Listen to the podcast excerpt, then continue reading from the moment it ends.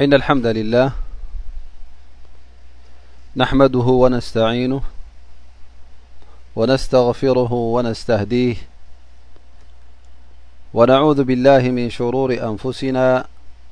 ومن سيئات أملنا من يهده الله فلا مضل له ومن يلل فلا هادي له وأهد أن لا إله إلا الله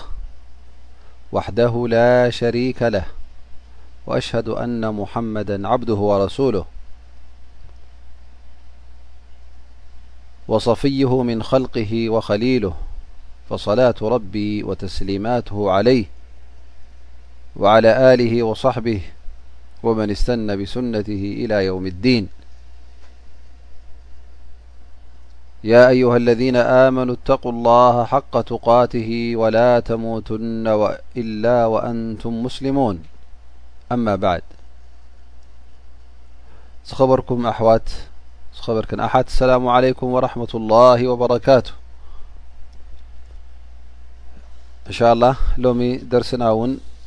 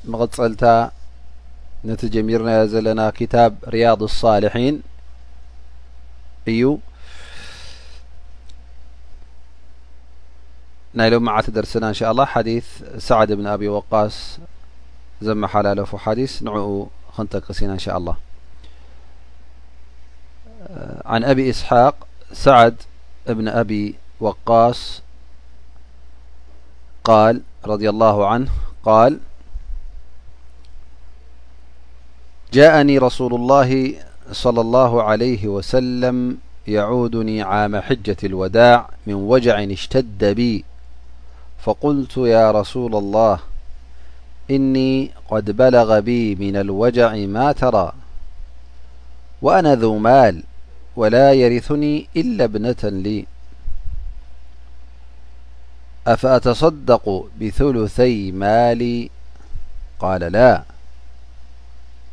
قلت فالشطر يا رسول الله فقال لا قلت فالثلث يا رسول الله قال الثلث والثلث كثير أو كبير إنك أن تذر ورثتك أغنياء خير من أن تذرهم عالة يتكففون الناس وإنك لن تنفق نفقة تبتغي بها وجه الله إلا أجرت عليها حتى ما تجعل في في امرأتك ال فقلت يا رسول الله أخلف بعد صاب قال إنك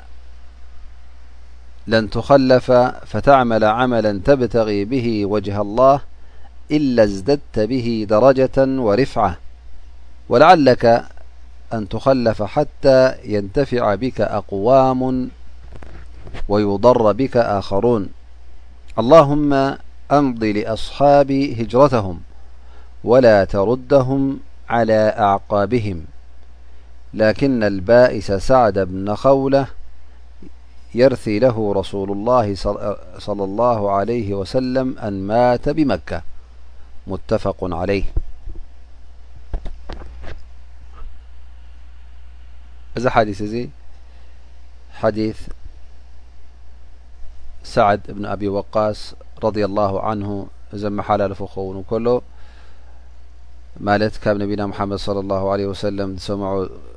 መልስን ዘረባን ይኸውን ኣብዚ ሓዲስ እዚ ሳዕድ ብን ኣብ ወቃስ ይብል ሻላ እዛ ሓዲስ እዚኣ በቲ ሕፅር ዝበለት እንተና ክንትንትና መጀመርያ ይብል መካ ምስ መፃእና ይብል ኣብ ነቢ ስለ ላ ሰለም ሕጀት ልወዳዕ እታ ሓጅ ዝሓጀጀላ ነቢና ሙሓመድ ለ ላሁ ለ ወሰለም ነይራ ማለት እዩ ተፀሊኡኒ ብርቱዕ ሕማም ሒዙኒ ተጸሊኡኒ እሞ ሕጂ እነቢ صለ ላሁ ለ ወሰለም ክርዩኒ ኢሎም መጺኦም ይብል ያ ረሱላ ላህ ኣነ እዚ እትሪኦ ዘለካ ሕማም በርቲዑኒ እሞ ምናልባሽ ፈረህ የፍርሃንን የስጋኣንን እዩ ሞት ከይትመፀኒ ኣነ ድማ በዓል ገንዘብ ስለ ዝኾንኩ ገንዘብ ብዙሕ ኣለኒ እታ ትወርሰኒ ድማ ሓንቲ ጓለይ ጥራይ እያ እሞ ያ ረሱላ ላህ በቲ ክልተ ሲሶ ካብ ገንዘበይ ሰደቃ እንተውፃእኩ ከመይ እዩ ኢሉ ይሓትት ማለት እዩ ፈነቢ ስ ሰለም ኣይፋልካን ይብሎ እሞ ፍርቂ ያ ረሱላ ላ ይብል እነቢ ስ ሰለም እውን ኣይፋልካን ይብልዎ ፈዳሕራይ እሞ ሓደ ሲሶ ያ ረሱላ ላህ ይብል ፈነቢ ስ ሰለም ሓደ ሲሶ ደሓነይ ሓደ ሲሶ ውን ብዙሕ እዩ ዓብይ እዩ ግን ካብ በልካ ደሓነይ ይብልዎ ማለት እዩ ነቢ ስለ ላ ለ ሰለም ይብልዎ ምክንያቱ እቶም ወረስትኻ ኣብ ክንዲ ድኻታት ኮይኖም ኢዶም ንጓና ዝዝርግሑ ርኹባትን ሃብታማትን እንተገደፍካዮም ይበልፅ ዝኾነ ይኹን ገንዘብ እውን ሊላ ኢልካ እተውፅኦ ኣጅሪ ኣለካ ወላ ውን እቲ ኣብ ኣፍ በዓልቲ ቤትካ እተእትዎ መግቢ እተብልዓ ማለት ተኾልሳ ውን እዚ ንገዛእ ርእሱ ውን ኣጅሪ ኣለዎ ይብልዎ እነቢ صለ ላሁ ለ ወሰለም ዳሕራይ ሳዕዲ ብ ኣብዮ ወቃስ ይሓትት ያ ረሱላ ላ ኣነስ ድሕርቶም ብፀተይ ዶ ኣብዛ ዓዲ እዚኣ ክትርፍ እየ ኣብዛ ዓዲ ኣብ መካ ክመውት እየ ኢሉ ይዛረብ ፈነቢ ለ ላ ለ ወሰለም ወላ እውን እንተ ተረፍካ እንተ ደንጎኻ ዝኾነ ይኹን ተግባር ዝገበርካዮ ወላ ኣብዚ ዓዲ እንከለኻ ሊላህ ኢልካ እንተ ጌርካዮ ደረጃ ናካ ንላዕሊ ገጹ ክድይብ እዩ ምናልባሽ እውን ዕድሜኻ ይነውሑ ኸውን ዕድሜኻ ነዊሑ ድማ ጥራይ ናይ ሞት ኣይትርእ ሕጂ ሓሚምካ ወለኻ ግን ሞት ኣብ ኢድ ረቢ ስለ ዝኾነ ምናልባሽ እውን ትሓልፈካ ትኸውን እዛ ሕማም እዚኣ ብኣኻ ብዙሓት ሰባት ይጥቀሙ ኾኑ ብዙሓት እውን ይጉድኡ ኣብ መጨረሻ ነቢ ስ ሰለም ዱዓ ይገብሩ ማለት እዩ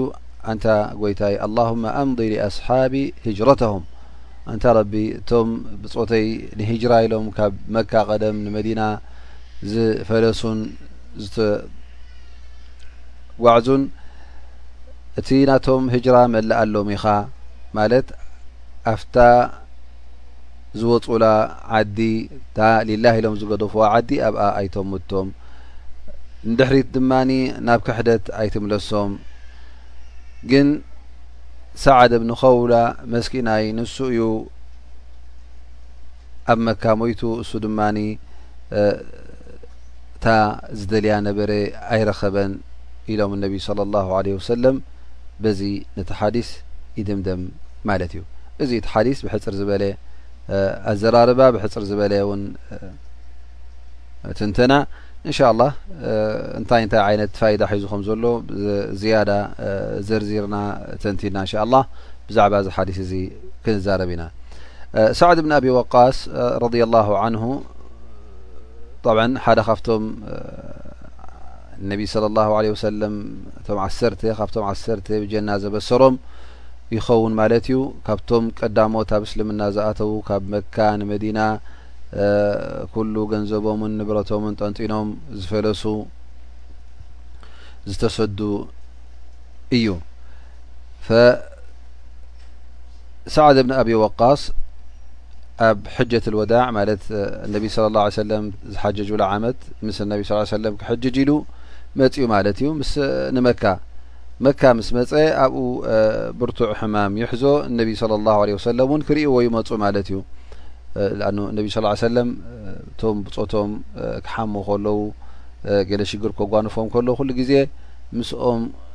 ክሳተፉ ኢኻ ትረኽቦም ኣብ ጥቆኦም ኣብ ጎኖም ኮይኖም የደዓዕስዎም ዱዓ ይገብርሎም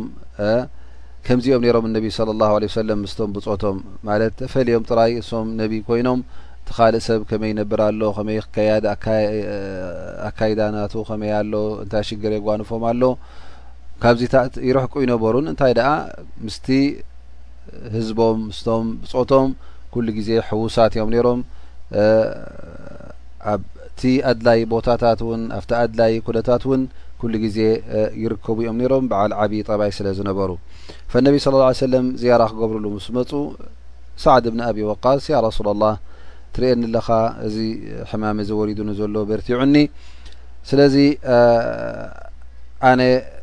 እዚ ሕማም እዚ ስለ ዝበርትዓኒ ምናልባሽ የስጋኣኒ ኣሎ ምናልባሽ ሞት ከየስዕበለይ ኣነ ድማ ብዙሕ ገንዘብ እዩ ዘለኒ ፅቡቅ ገንዘብ እዩ ዘለኒ ብርክት ዝበለ ገንዘብ ዝወርሰኒ ድማ የብለይ ብጀካ ሓንቲ ጓለይ ሰያ ማለትታ ትወርሶ ካብቶም ቀንዲ ወረስቱ ስለዚ እቲ ገንዘብ ከምቲ ዝሪኦ ዘለኹ እኹል ስለ ዝኾነ ዓብ ስለ ዝኾነ እሞ ክልተ ሲሶ ካብ ገንዘበይ ሰደቃ ኢለ ንተውፅኣኩ እንታይ ይመስለካ ያ ረሱል ላ ኢሉ ይሓትት ማለት እዩ ፈነቢ ስለ ላሁ ለ ወሰለም ኣይተቀበሉን ነዚ ርእቶ እዚ ካብኡ ድማ እሞ ፍርቂ ኢሉ ይሓትት ፈነቢ ስ ሰለም እውን ወላ ፍርቂ እውን ሕራይ ኣይበልዎን ኣብ መጨረሻ ናብ ምንታይ ይወድቕ ማለት እዩ ናብ ሓደ ሲሶ ሓደ ሲሶ ካብ በልካ ደሓነይ ብዙሕ እዩ ግን ላኪን ሓደ ሲሶ እሱ ካብኡ ንላዕሊ ኣይ ተውፅእ ኢሎም እነቢ ስለ ላሁ ለ ወሰለም ይሕብርዎ ማለት እዩ እነቢ ስለ ላሁ ለ ወሰለም ንሰዓድ ካብ ሓደ ሲሶ ንላዕሊ ንኸይውፅእ ስለ ዝኸልከልዎ ካብዚ እንታይ ንርዳእ ማለት እዩ ሓደ ሰብ እንተ ተጸሊእዎ ኣሎ ኣብ ሕማም ኣሎ ኮይኑ ካብ ሓደ ሲሶ ንላዕሊ ወስያ ክገብር ሰደቃ ኢሉ ንኸውጽእ ኣይፍቀድን እዩ ስለምንታይ እዚ ሕማም እዚ ዝሓዞ ሰብ ምናልባሽ ናብ ሞት ይቀራረብ ስለ ዘሎ ብ ሕማም ስለ ዘሎ እቲ ገንዘቡ ድማ ሕጂ ጥራይ ገንዘቡ ይኮነን እንታይ ደኣ ናይ ወረስቲ መሰል ስለ ዝኣትዎ ምክንያቱ ክመውት ስለ ቲ ሞት ረቢ እዩ ዝፈልጦ ግን ሕማም ሓደ ሓደ ግዜ ብርቱዕ ሕማም ክመፅእ እንከሎ ናብ ሞት ከተ ናብ ሞት ገፁ ይኸይዳ ኣሎ ክትብሎ ከለኻ ኣብዚ ሰዓት እዚ ካብ ሓደ ሲሶ ሰደቓ ኢልካ ንኸተውጽእ ወይ ወስያ ንኽትገድፍ ኣይፍቀደካን እዩ። ምኽንያቱ እዚ ገንዘብ እዚ ሕጂ ኣብዚ መድረኽ እዚ ካብ በጻሕካ ናይቶም ወረስቲ ዕድል እውን ናይ ወረስቲ መሰል ንዕኡ ትጥሕስ ኣለኻ ማለት እዩ። ግን እንተ ደኣ ብጥዕናኻ ኣለኻ ኮንካ ሕማም ዘይብልካ እንተ ደኣ ኮንካ ማለት ዘፍርሕ ሕማም ብፍርቂ ገንዘብካ ኮይኑ ወላ ብክልተ ሲሶ ኮይኑ ወላ ውን ብኩሉ ገንዘብካ ሰደቃ ንኸተውፅእ ኣይትኽልከልን ኢኻ ግን ኩሉ ገንዘብካ ክተውፅእ ክበሃል እንከሎ ሰደቃ ኣውፅእካዮ ኩሉ ፅባሕ ንግሆ ለምን ማለት ኣይኮነን ኩሉ ከተውፅእ እንከለኻ ንነብስኻ ዝኸውን ደሸግር ነገር የብልካን ገፅ ሰብ ዘርኢ ነገር የብልካን ማለት ሃቡኒ ሓገዙኒ ዘይትብለሉ ብማዕና እኑ እቲ ኩሉ ገንዘብካ ከተውፅእ ከለካ ግን መዓልታዊ ናይ ዕላ ድራርካ ክትረክበሉ ትኽእል ኣሎ ማለት እዩ ወይ ጉልበትካ ኮይኑ ወይ እውን ንብረት ኣለካ ካልእ ንብረት ነዚ ጉዳይ እዚ ዝዓፅወልካ ክኸውን ከሎ እዩ ብኩሉ ገንዘብካ ሰደቃ ተውፅእ ትበሃል ላኪን ኩሉ ገንዘብካ ሰደቃ ሂብካ ኣውፅእካ እስኻ ድሓር ፅባሕ ንግሆ ሰደቃ ንክትሓትት እዚ ዘይከውን እዩ ማለት እዩ ዝኾነ ኮይኑ እቲ ቀንዲ ነጥቢ እንታይ እዩ ካብ ሓደ ሲሶ ኣብ ሕማም ዘሎ ሰብ ሰደቃ ወይ ወስያ ወይ ሃድያ ኢሉ ክገድፍ እንተ ኮይኑ ካብ ሓደ ሲሶ ንላዕሊ ኣይፍቀዶን እዩ በል ነቢ صለ ላሁ ለ ወሰለም ኣብዚ ሓዲስ እንተ ርእና ኣሉ ወሉث ከር ክብል እንከሎ ሓደ ሲሶ ሓደ ሲሶ እውን ብዙሕ ኢሎም ነቢ ለ ላه ሰለም ኣበከር ኣሰዲቅ ረዲ ላሁ ዓንሁ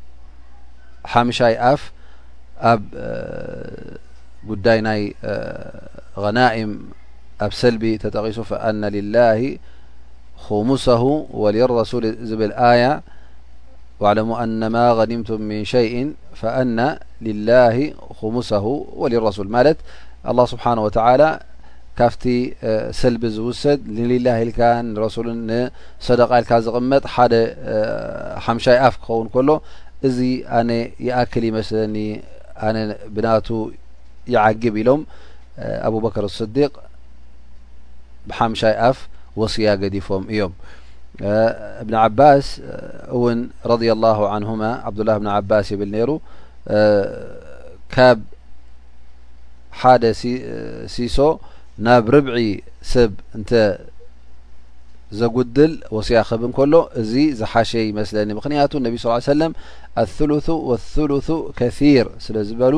ማለት ሓደ ሲሶ ሓደ ሲሶ እውን ብዙሕ እዩ ስለ ዝበሉ ካብ ሓደ ሲሶ ንታሕቲ ክኸውን ከሎ እዚ እቲ ዝበለፀ ይብሉ ማለት እዩ ሊዛሊክ ምብዝሕቶም ዑለማ ካብ ሓደ ሲሶ ንታሕቲ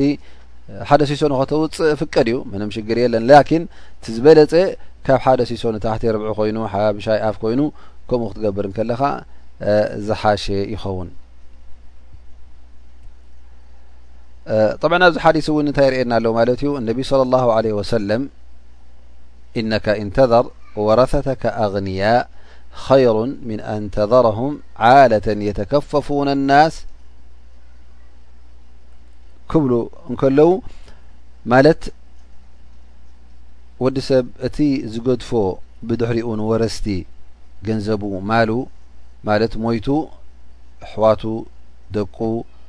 ሰበይቱ ዝኾነ ይኹን ካብቶም ወረስቱ ክወርሱ እንከለዉ በቲ ካብኣኻ ዘወረስዎ ማል ርኹባት ክኾኑ እንከለዉ እዚ ሕጂ እስኻ ኣጅሪ ኣይረኸብካሉን ማለት ኣይኮነን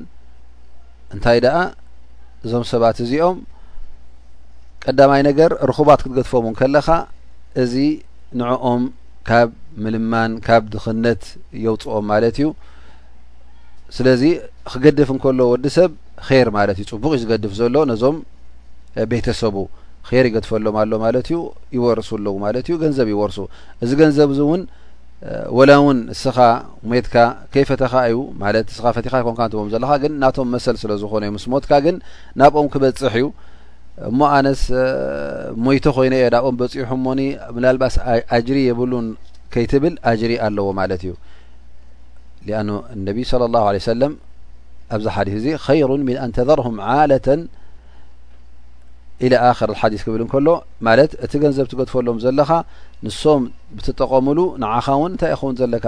ኣጅሪ ክኾነካ ኣሎ ማለት እዩ ሰደቃ ክተውፅኦ ከለኻ ድማ እንተ ናብ ንዕኦም ዘይበፅሐ እሞ ካብኦም ኣግዲፍካ ንሰደቃ ኢልካ እተ ኣውፅእካዮ እንታይ ካ ደሊኻ ማለት ዩ ኣጅሪ ፈኢዘን እቶም ርሑቃት ይጥቀምሎ ማለት እዩ ብዝለዓለ ግን ብዝዓበየን ብዝበለፀን እቲ ሰደቃኻ እቲ ትገድፎ ዘለኻ ንዘመድ ንሓው ክኸውን ከሎ እዚ ዓብዪ ኣጅሪ ኣለዎ ማለት እዩ በቲ ሓደ ወገን ናይ ኣጅሪ ሰደቃ ትረክበሉ ካልኣይ ድማ ናይቶም ስድራ ቤትካን ኣሕዋትካን ሲለት ራሒም ትገብር ማለት እዩ ትበፅሖም ወይ ከዓ ፅቡቅ ትገብረሎም ሰናይ ትገብረሎም ኣለካ ማለት እዩ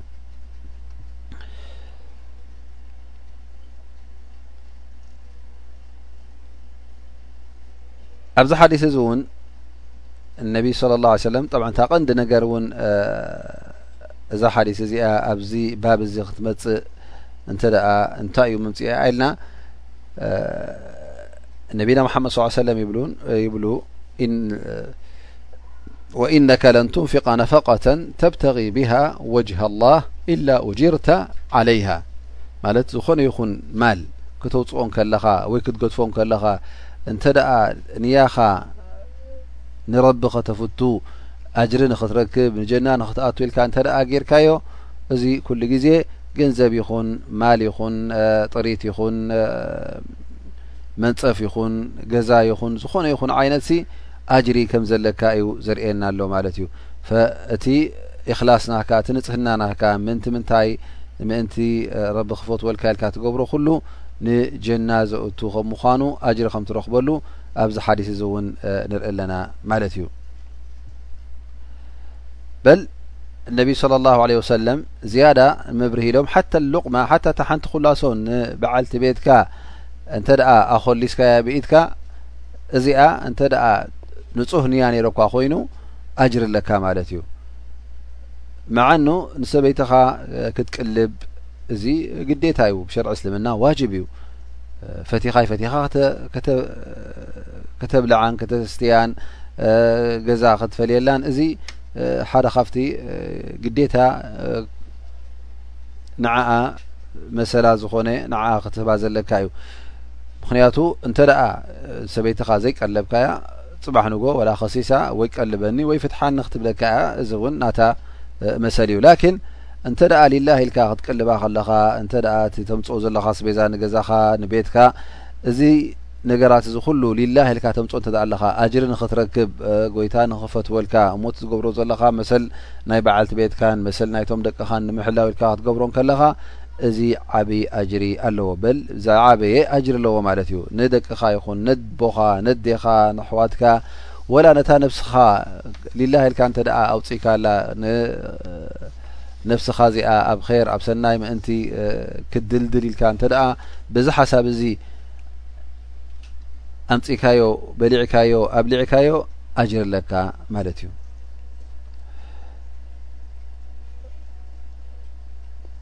ሳዕድ ብ ኣቢ ወቃስ ብሰንኪ ቲ ሕማሙ ፈሪሁ ያ ረሱላ ላ ኣነስ ድሕሪቶም ብፆተይ ኣብዛ ዓዲ ክተርፍ ድየ ማለቱ ኣብ መካ እዩ እሞ ብድሕሪኦም ተሪፈ ኸ ክመውት ድየ ኢሉ ይሓትት ማለት እዩ ን ነቢይ ለ ላ ለ ወሰለም ኣጆኻ ወላ እውን እንተተረፍካ ስቲ ኣጅርናካ በፂሑ እዩ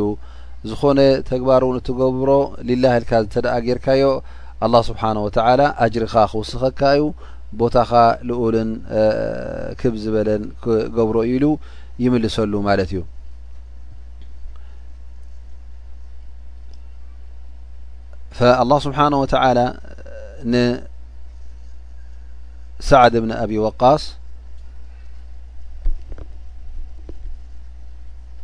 እዎ ካብቶም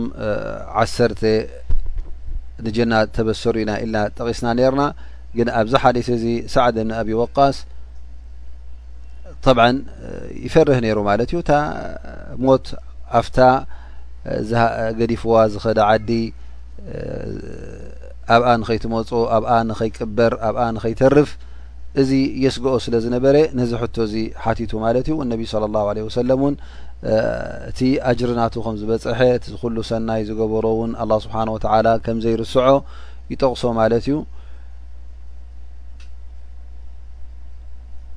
ግን ኣብኡ ከሎ ውን ነቢ ስለ ላሁ ለ ወሰለም እቲ ጉዳይ ኩሉ ንሞት ክህቦ ከም ዘይብሉ ምናልባሽ እውን ካብዛ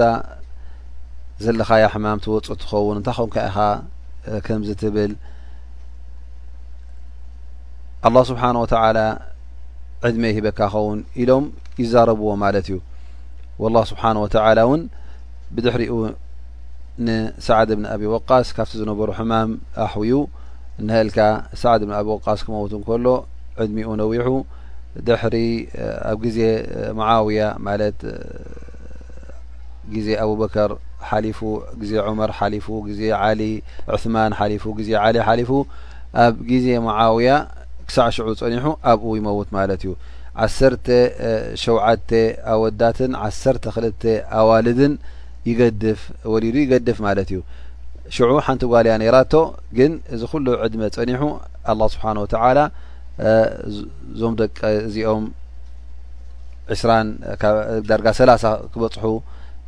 ተቃረቡ ውላድ ይገድፍ ማለት እዩ ነቢ ስ ሰለ ከምዚ ክብልዎ ከለዉ እዚ ካብቲ ተኣምር ማለት እዩ ከምኡ ውን ልዓል እንታይ ኢሎም የንተፊዓ ብካ ኣቅዋም ወየضሩ ብካ ኣቅዋም ማለት ዕድመ ረኪብካ ምናልባሽ ገለ ሰባት ብኣኻ ዝሕጎሱን ብኣኻ ዝጥቀሙን ክርከቡ እዮም ገለ ሰባት ድማ ብኣኻ ዝጉድኡ እውን ይርከቡ ኾኑ ኢሎም እነቢ ስ ሰለም ጠቂሶም ማለት እዩ እቲ ሰብ ወይ ከዓ እቲ ተፍሲር ናይዚ እንታይ ኮይኑ ማለት እዩ ሕጂ ሰዓድ እብኒ ኣብ ወቃስ ኣብቲ ናይ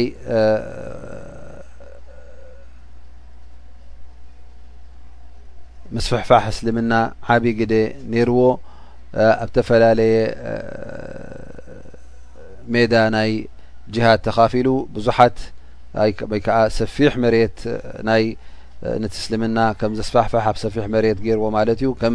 መራሒ ኮይኑ መሪሕነት ሒዙ ኣብ ናይ ሰራዊት እስልምና ፅቡቕ ቃልስን ትብዓትን ሓይልን ኣርእዩ እሱ ኣብቲ ተሳተፎ ኩሉ በረካ ዝነበሮ ዓወት ዝነበሩ ኩናት ነይሩ ማለት እዩ ጠብዓ እዚ ሕጂ ንምንታይ ጠቂማ እቶም ኣስላም ነቲ መሬት እስልምና ነቲ እስልምና ከም ዘስፋሕፍሕ ገይርዎ እቶም ክሓቲ ድማ ብሰንኩ ከም ተጎድኡ እዚ እውን ኣብቲ ሓዲስ እቲ ዝሓበሮ ማለት እዩ ገና ከይኮነ ከለን ነቢ ስ ሰለም ባዕሎም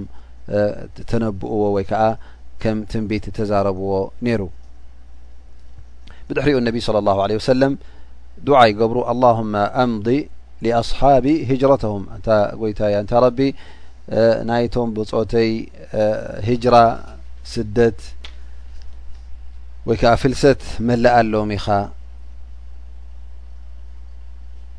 መላኣሎም ክበሃል እንከሎ ክልተ ነጥቢ ዘማልአ ይኸውን ማለት እዩ ቀዳማይ ኣብቲ እምነቶም ኣብቲ ኢማኖም ቀጥ ንክብሉ ምክንያቱ እንተ ኣብቲ ኢማኖም ቀጥ ኢሎም እቲ ብሂጅራ ዝረከብዎ ኣጅሪ ቀጥ ክብለሎም እዩ ማለት እዩ ኣብቲ ሂጅራናቶም እውን ክቕፅሉ እዮም ካልኣይ ነጥቢ እውን እቲ ዱዓ ዝገበረሎም እንታይ ይኸውን ማለት እዩ ሓደ ካብኣቶም ንመካ ንኸይምለስ ምክንያቱ መካ ተመሊሱ ኣብኣ ኮፍ ንክብል ወይ ከዓ ኣብኣ ንክመውት ምእንቲ ኣላ ስብሓን ወተላ ክምልኣሎም ኣብኣ ንከይመውት ኣብ መካ ተመሊሱን ወይ ከዓ ኣብኣ ንክቐመጥ ንከይምለስ ማለት እዩ ምክንያቱ ሓደ ሰብ እንተ ደኣ ሊላህ ኢሉ ገዲፍዎ ሓደ ቦታ ፈፂሙ ክግደፍ ፈፂሙ ክምለስ የብሉን ኣብቲ ሊላህ ኢሉ ዝገደፎ ልክዕ ማል ገንዘብ እንተ ሊላ ኢልካ ውፅእካዮ ነዚ ማል እዚ ንክትመልሶ ክትፍትን የብልካን እንተ ደኣ ገዛ ነይሩ እኳ ኮይኑ እሞ ነዚ ገዛ እዚ እውን ሊላ ኢልካ ፈኒኻዮ ንጎይታ ኢልካ ፈኒኻዮ ንኣጅሪ ነዚ ገዛ እዚ ዝገደፍካዮ ክትምለሶ የብልካን ከምኡ እውን ዝነበርካዮ ሃገር ዝነበርካዮ ዓዲ ዓዲ ክሕደት ነይሩ ኮይኑ እስኻ እሞ ምእንቲ ነቲ ዲንካ ንምቛም ነቲ እምነትካ ንምድልዳል ኢልካ ካብቲ ዓዲ ጥፍኣት ዓዲ ክሕደት ወፂእካ ናብ ዓዲ እምነት ክትሰግር ከለኻ እዚ ዓዲ እዚ ሊላ ኢልካ ንጎይታ ኢልካ ስለ ዝገደፍካዮ ናብኡ ክትምለስ የብልካን ስለዚ እዚ እውን ነቶም ኣስሓብ ነቢ ብፆት ነቢና ሓመድ ለ ላ ለ ወሰለም መካ ክመፁ ከለዉ ገየሾምሲ ኣብኡ ንኸይሞቱ ይፈርሁ ነይሮም ማለት እዩ ሊዛሊክ ሳዕድ ብን ኣብዪ ወቃስ እውን እዚ ነገር እዚ የስግኦ ነይሩ ስለዚ እነቢ ስለ ላሁ ለ ሰለም በዚ ዱዓ እዚ ገይሮምሎም ማለት እዩ ምእንቲ እቲ ህጅራ ናቶም ምሉእ ክኾነሎም ኣብ ርእሲኡ እውን ካብቲ ዝገበሩሎም ዱዓ ነቢና ሙሓመድ ስለ ላሁ ለ ሰለም ንድሕሪት ንኸይምለሱ ኣይ ወላ ተሩድሁም ዓላ ኣዕቃብህም ኣንታ ጎይታይ ንድሕሪት ኣይትምለሶም ድሕሪት ኣይትምለሶም እንታይ ማለት እዩ ካብቲ ሒዞሞ ዘለዉ ኢማን ካብቲ እምነት ናብ ክሕደት ናብ ሽርክ ኣይትምለሶም ምክንያቱ እምነት ኩሉ ግዜ ግስገሳ እዩ ክሕደት ድማኒ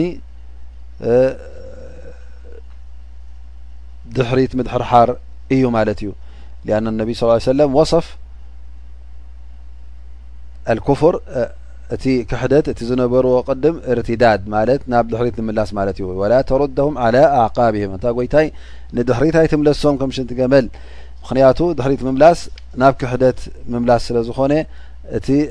እምነትካን ዲንካን ዓቲርካ ክትከይድ ከለካ ግን እዚ ግስገሳ እዩ ንቅድሚት ምኻድ ይኸውን ማለት እዩ ስለዚ ኣብቲ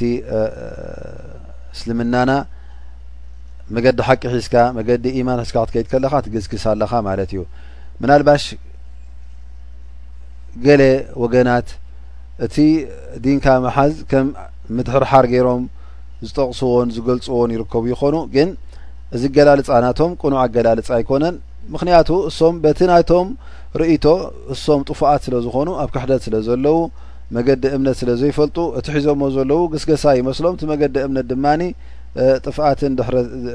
ድሕሪትን ይመስሎም ማለት እዩ ምድሕርሓር ይመስሎም ግን እቲ ሓቂ እንተዳርኢና ከምቲ ነቢና ሓመድ ስ ሰለም ዝበልዎ ምድሕርሓር ማለት ክሕደት እዩ ምግስጋስ ድማ እምነት ማለት እዩ ፈነቢይ ስለ ላሁ ለ ወሰለም ከምዚ ገይሮም ሓቢሮምና እዮም እዚ ሓዲስ እዚ ከምዚ ዝረኣናዮ ከምቲ ዝተተንተነላ ሎመዓልቲ ብዙሕ ፋይዳ ኢና ንረክብ ማለት እዩ ሓደ ካብኡ እነቢይ ስለ ላ ለ ወሰለም ነቶም ንሕሙማት ብፆቶም ይበፅሕዎም ከም ዝነበሩ ንገዛእ ርእሱቲ ዕያደት ልመሪድ ዝበሃል ንሕሙም ምብፃሕ ንሕሙም ምርኣይ ብዙሕ ፋይዳ እዩ ዘለዎ ነቲ ክርኢ ዝመፅእ ዘሎ ይኹን ነቲ ክረአ እውን ዝመጽዎ ዘለዉ። እቲ ክርእ ዝመጽእ ዘሎ ቀዳማይ ነገር እቲ መሰል ናይ ሓዉ ስላማይ ይፍጽም ኣሎ ማለት እዩ። መሰል ናይቲ ሓዉኻ ስላማይ ክትፍጽም ከለኻ ድማ እዚ ኣጅሪ ዓቢ ኣጅሪ ኣለዎ ምልኣኖ ምን ሓቅ ልሙስልም ኣን ተዑደሁ ኢዛ መሪድ ሓደ ካብቲ መሰላት ናይ ሓውኻ ስላማይ እንተ ሓሚሙ ክትበፅሖ ኣለካ እዚ መሰል እዚ እንተ ሓሊኻሉ ኣጅርኻ ረኺብካ ማለት እዩ ከምኡ እውን እነቢ صለ ላه ለ ሰለም ብዝበልዎ እኑ ሓደ ሰብ እንተ ደኣ ንሕሙም ክበፅሕ ኢሉ ኮይዱ ኣፍታ ኮፍ ዝብለላ ነቲ ሕሙም ዝበፅሓላ ሰዓት ልክዕ ከም ኣብ ማእከል ጀና ኮፍ ኢሉ በቲ ፍርያት ናቱ ወይ ከዓ ፍሬታት ናይ ጀና ኣብ ትሕቲ ፍሬታት ናይ ጀና ኮፍ ኢሉ ዝበልዕን ዝጥቀምን ይኸውን ማለት እዩ ፈነቢ ስ ሰለም ከማ ዘከር ላ የዛሉ ፊ ምኽረፈት ልጀና ኣይ የጅኒ ቲማር ልጀና ሓታ የዑድ ልክዕ ክሳዕ ካብቲ ሕሙም ትምለስ እስኻ ኣብ ምንታይ ኣለኻ ማለት እዩ ኣብ እቲ ጀና ፍሬታት ናይ ጀና ከም ድላይካ ትወስድን ትበልዕን ማለት እዩ ኣብ ርእሲኡ እውን እንተ ሓደ ሱ ሕሙም በፂሕካዮ እንታይ እዩ ዝፋይዳ ንዓኻ እቲ ዘለኻዮ ሽሻይ ኒዕማ እቲ ዘለኻዮ ጥዕና ዓብ ከም ምዃኑ ምስጉን ከም ምዃኑ ትርዳእ ማለት እዩ። ሰብ ሓሚሙ ክትርኢ ከለኻ ሽዑ እስኻ ኣብ ዓቢ ሽሻይ ኣብ ዓቢ ንዕማ ከም ዘለኻ ኮይኑ እዩ ዝፍለጠካ ማለት እዩ። እቲ ኣብ ርእሲኡ እውን እንታይ ትረክብ እቲ ዝያዳ መጺኻዮ ዘለኻ እቲ ክትበጽሖ መጺኻ ዘለኻ እውን ኣብ ሕማሙ ምስኡ ደው ስለ ዝበልካ ስለ ዝሓተትካሉ እንታይ ይኸውን ማለት እዩ ንዓኻ ብዓይኒ ፍቶትን ብዓይኒ ፍቅርን ይርእየካ ማለት እዩ። ፅባሕ ንግሆ ምስ ሓወይ ክረክበካ ከሎ ፈፂሙ እዚ ዝገበርካሉ ር እዚ ምብፃሕ እዚ ኣይ ርስዖን እዩ ተሓጒሱ ተደሲቱ እዩ ዝቕበለካ ኣብዚ ዝያራ እዚ እውን እቲ ክትበፅሖ መፅእካ ዘለካ እዚ ሕሙም እዚ ንስኻ ክትበፅሖ ከለካ ይሕጎስ ካብቲ ዝነበሮ ቃንዛ እውን ይቃለለሉ ልቡ ይኸፈተሉ እቲ ዝስምዖ ዝነበረ ሓዘን ጓሂ እንተ ደኣ ነይሩ ኮይኑ እውን ብሰንኪ ሕማሙ ንስኻ መጺእካ ከተዕልሎ ከለኻ ብጽቡቕ ዘረባ ከተዕልሎ ከለኻ ጽቡቕ ነገራት ከተዘኻኽሮ ከለኻ እንታይ እዩ ዝኸውን ማለት እዩ ሕጂ ብጣዕሚ ይሕጎስ ማለት እዩ ስለዚ ዕያዳ ወይ ከዓ ዝያራ ንመሬት ንሕሙም ክትገብር ከለኻ ክትበፅሖ ከለኻ እውን ስነ ስርዓት ኣለዎ ክትበፅሖ ከለኻ ፅቡቅ ነገራት ክተዘኻኽሮ ኣለካ ተስፋ ትህቦ ክሓዊ ከም ምኳኑ ማሻኣላህ ፅቡቅ ኣለካ ክሕሸካ እዩ ኣብሽር ትብሎ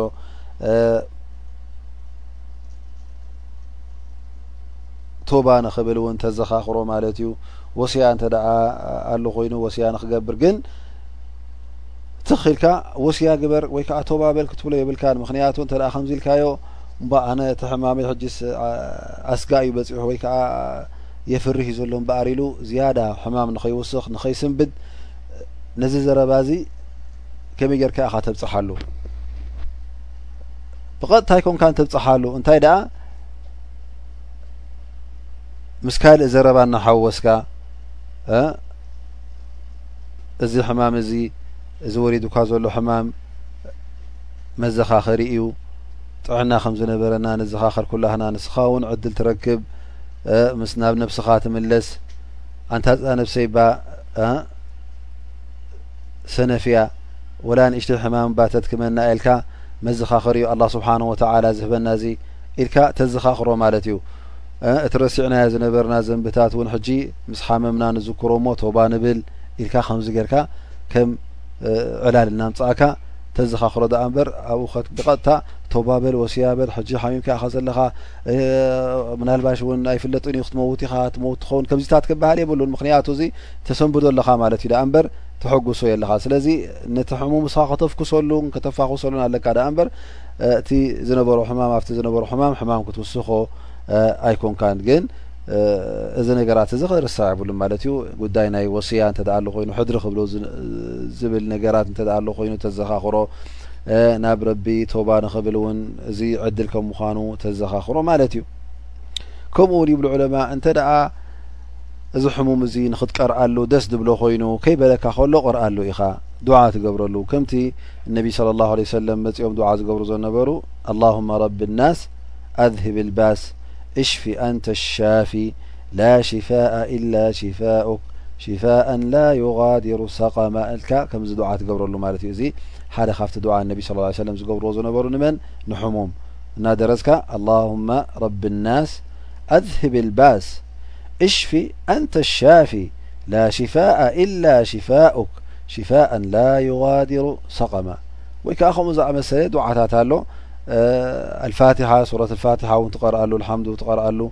ምክንያቱ ኣልፋቲሓ ንገዛእ ርእሳ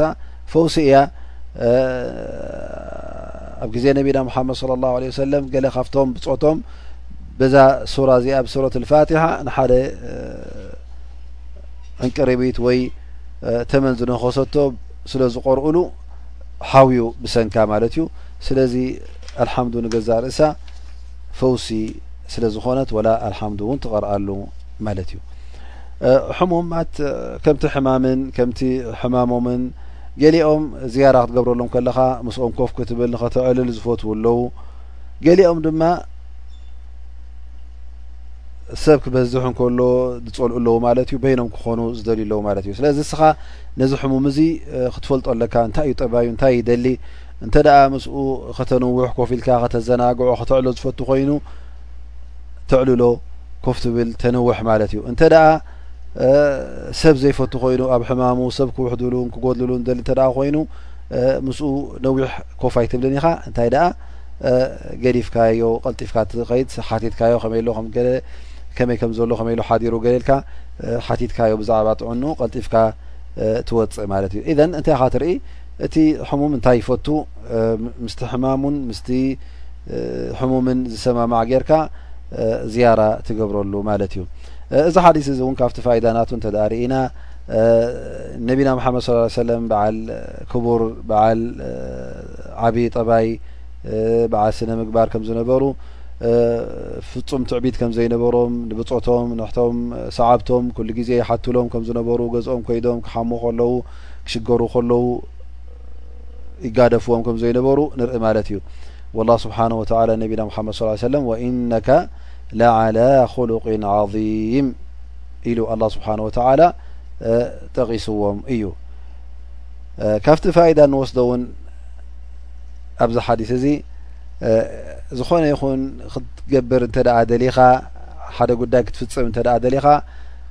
ነቶም ፍልጠት ዘለዎም ሰባት ከተማኽር ኣለካ ከተካፍል ኣለካ ማለት እዩ ምክንያቱ ሳዕድ ብን ኣብ ወቃስ ረድ ላሁ ዓንሁ ገንዘቡ ብዙሕ ኮይኑ ምስ ረኣዮ ክመቕሎን ክስደቕን ምስ ሓሰበ ንመን ኣማኺሩ ንነቢና ሙሓመድ صለ ላሁ ለ ወሰለም ኣማኺሩ እቶም እዚ ዝያዳ ወይ ከዓ እቶም እኹል ፍልጠትን ዕልምን ዝነበሮም ኣብቲ ግዜ ድማ መን እዮም እነቢይ صለ ላሁ ለ ወሰለም ስለዚ ዕልምን ፍልጠትን ዘለዎም ሰባት ከተካፍል ከተማኽር ኣድላይ ይኸውን ማለት እዩ እዚ ጉዳይ እዚ እውን ጥራይ ኣብቲ ናይ ጉዳይ ናይ ሸርዒ ጥራይ ኣይኮነን ኣብ ብዙሕ ነገራት ተማኽር ኢኻ ማለት እዩ እንተ ሓደ ሰብ ገዛ ክሰርሕ ደልዩ ንመን እዩ ዘማኽር ነቶም ቅድሚ ሕጂ ገዛ ዝሰርሑ እቶም መሃንድሲን ከምኡ ዝኣመሰሉ የማኽር ገዛ ክገዝእ እንተ ደኣ ደልዩ ስሩሕ ከዓ ንመን እዩ ዘማኽር ነቶም ዝሸጡን ዝልውጡን ብዛዕባ ናይ ኣባይቲ ፍልጠት ዘለዎም ኣይናይ ገዛውቲ ወይ ከዓ ከመይ ዓይነት ኣባይቲ እዩ ፅቡቕ ዋጋ ዘለዎ ፅቡቕ መነባበሪ ክኸውን ዝኽእል ከምዚታት ትሓትት ማለት እዩ ማኪና ክትገዝእ ተ ኮይንካ ድማ ንሜካኒክ ትሓትት ንቶም ብዛዕባ ማኪና ምሻጥን ምልዋጥን ፍልጠት ዘለዎም ንዕኦም ነቶም ደላላት ናይ መካይን ንዕኦም ትሓትት ማለት እዩ ፈሊክ እዚቲ ጉዳይ ድማ ምስ ናይ ሸርዒ ምስ ናይ ዲንካ ዝተኣሳሰረ ክኸውን ከሎ ነቶም ዑለማ ዲን ዝበሃሉ ፈላጣት ዲን ናይ ዕልሚ ክእለት ዘለዎም ናይ ዲን ንዕኦም ተማኽር ማለት እዩ ምእንቲ እንተ ደኣ ኣማኺርካ ስኩሉ ግዜ ማኻባ መን ስተሻር ወላ ነዲማ ማኻባ መን ስተኻር ወላ ነዲማ መን ስተሻር እስቲኻራ ዝገበረ ፈፂሙ ኣይበክንን እዩ እንተ ደኣ ኣማኺርካ ድማ ፈፂምካ እውን ኣይ ትጣዓስን ኢኻ ስለዚ ምኽሪ ዝመስልዎ የለን መኺርካ ትገብሮ ኩሉ ግዜ የሐጉሰካ እዩ ኣብቲ ትደልዮ ሽቶ እውን የብፅሓካ እዩ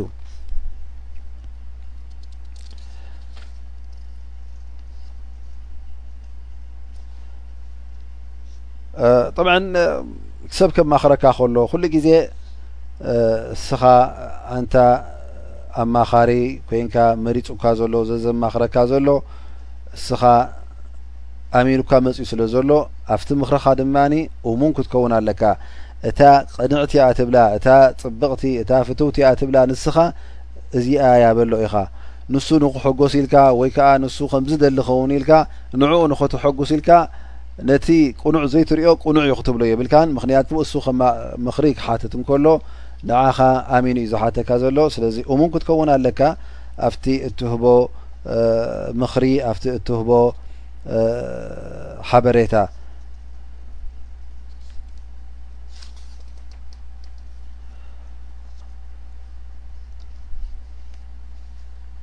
ካብቲ ዝወሰድናዮ ፋይዳታት እውን ርኢና ማለት እዩ ሕሙም ኢልና እንተ ኣስጋኢ ሕማም ሓሚሙ ኮይኑ ካብ ሓደ ሲሶ ንላዕሊ ወስያ ክገድፍ ከም ዘይክእል ንሰደቃ ይኹን ወይ እውን ንዝኾነ ይኹን ነገር ወይ ንሰብ ሃቡለይሉ ወይ እውን መስጊድ ስርሑለይ ወይ እውን ሰደቃ ክኾነኒ ኢሉ ጋፍቲ ገንዘቡ ካብ ሓደ ሲሶ ንላዕሊ ፈጺሙ ከም ዘይፍቀዶ ርኢና ማለት እዩ። ስለዚ ይብዛሕ ይሓድ ገንዘብካ ካብ ሓደ ሲሶ ንላዕሊ ንኸተውጽእ ኣይፍቀደካን እዩ። ምክንያቱ እቶም ወረስቲ እውን መሰል ስለ ዘለዎም ንስኻ እውን ሕጂ ኣብ ግዜ ሕማምካ ስለ ዝኾነ ኣብ ግዜ ሕማም ክኸውን እንከሎ መሰል ናይቶም ወረስቲ ሕጂ ስለ ዝኣተዎ ክትጥንቀቕ ኣለካ ማለት እዩ። ካብቲ ፋይዳ ንወስዶ እውን ኣስሓብ ነቢ صለ ላه ለ ወሰለም እቶም ካብ መካ ንመዲና ዝፈለሱ ኣብ መካ ንክሞቱ ብጣዕሚ ይፈርሁ እዮም ነሮም ማለት እዩ ምክንያቱ እቲ ሂጅራ ናቶም ወይ ከዓ እቲ ዝገበርዎ ፍልሰትን ስደትን እቲ ኣጅሪ ናቱ ከይጎድል ስለ ዝፈርሁ ኣብ መዲና ንክሞቱ ወይከዓ ካብ መካ ወጻኢ ጥራይ ንክሞቱ እዮም ዝምነዩ ነይሮም ማለት እዩ ካብቲ ፋይዳታት ዘወሰድናዮ እውን ዝኾነ ይኹን ወዲ ሰብ ዝገብሮ ተግባራት እንተ ደኣ ሊላ ኢሉ ገይርዎ እንተ ደኣ ልቡ ነፂሁ እንተ ደኣ ገይርዎ እውን እንታይ ንርዳእ ኣላ ስብሓን ወተላ ዓብ ደረጃ ከም ዝህቦ ደረጃኡ እውን ከም ዝለዓል ርኢና ማለት እዩ ፈኢዘን እቲ ቐንዲ ነገር እንታይ ክኸውን ኣለዎ ማለት እዩ ሑስነ ንያ ክህሉ ኣለዎ ማለት እዩ ንያኻ ቅኑዕ ክኸውን ኣለዎ ንያኻ